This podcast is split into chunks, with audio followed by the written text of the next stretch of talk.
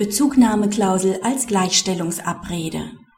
Der Umstand, dass ein Tarifwerk zum Zeitpunkt des Vertragsschlusses überwiegend für allgemeinverbindlich erklärt ist, hindert nicht die Auslegung einer arbeitsvertraglichen Bezugnahmeklausel als Gleichstellungsabrede.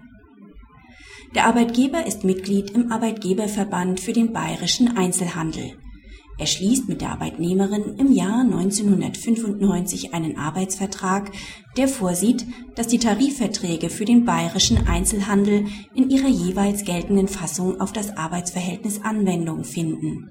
Die einschlägigen Tarifverträge sind zum Zeitpunkt des Vertragsschlusses zum großen Teil für allgemeinverbindlich erklärt. In der Folgezeit vergütet der Arbeitgeber die Arbeitnehmerin nach den Bestimmungen des anwendbaren Gehaltstarifvertrags im April 2003 erklärt der Arbeitgeber seinen Austritt aus dem Arbeitgeberverband. Nach der einschlägigen Satzung wird dieser Austritt mit Ablauf der jeweils geltenden Tarifverträge wirksam. Der Gehaltstarifvertrag wird mit Wirkung zum 1. Mai 2003 durch einen neuen Gehaltstarifvertrag ersetzt, der ein höheres Monatseinkommen vorsieht. Der Arbeitgeber gibt diese Tariflohnerhöhung nicht an die Arbeitnehmerin weiter, da er aufgrund seines Austritts aus dem Arbeitgeberverband nicht länger an diesen Tarifvertrag gebunden sei. Die Arbeitnehmerin klagt daraufhin auf Zahlung des Differenzbetrags. Nach Auffassung des BAG ist die Klage unbegründet. Die im Arbeitsvertrag vereinbarte Bezugnahme auf die jeweils anwendbaren Tarifverträge ist als sogenannte Gleichstellungsabrede zu verstehen die Anwendung des jeweiligen Gehaltstarifvertrags stand daher unter der auflösenden Bedingung der Tarifgebundenheit des Arbeitgebers. Diese endete durch den Austritt aus dem Arbeitgeberverband satzungsgemäß mit dem Inkrafttreten des neuen Gehaltstarifvertrags zum 1. Mai 2003. Rechtliche Bedenken gegen die Wirksamkeit der einschlägigen Satzungsbestimmungen bestehen nicht. Der Senat wendet die Auslegungsregel dass die mit einem tarifgebundenen Arbeitgeber vereinbarte Bezugnahmeklausel stets als Gleichstellungsabrede auszulegen ist, aus Gründen des Vertrauensschutzes weiterhin auf Verweisungsklauseln an, die vor dem Inkrafttreten der Schuldrechtsreform zum 01.01.2002 vereinbart wurden.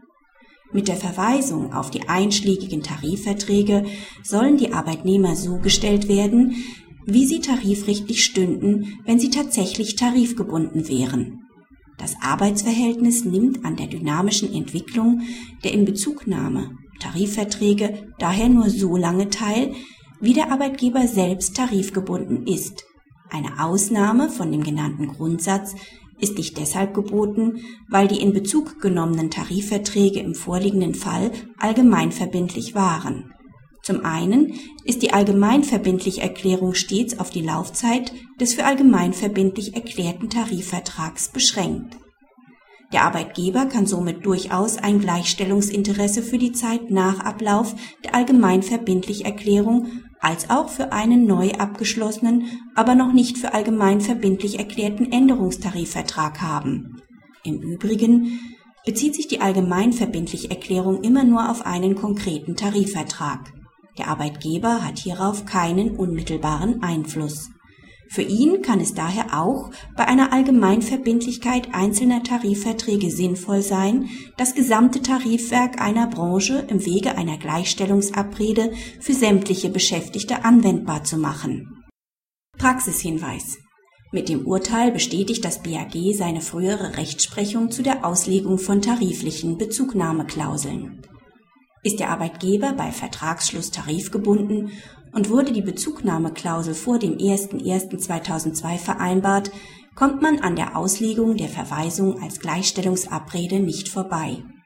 Die apodiktische Vorgehensweise des BAG bei der Auslegung ist zwar eine Fiktion, sie hat aber immerhin zu einer gewissen Rechtssicherheit im Umgang mit derartigen Vereinbarungen geführt.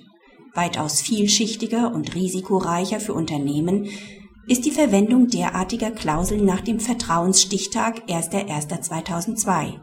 Soll eine etwaige tarifliche Dynamik zusammen mit der Tarifgebundenheit des Arbeitgebers entfallen, bedarf es nach Auffassung des BAG seit diesem Zeitpunkt einer hinreichend klaren arbeitsvertraglichen Vereinbarung, die sich nicht in dem bloßen Verweis auf die jeweils anwendbaren Tarifverträge erschöpfen darf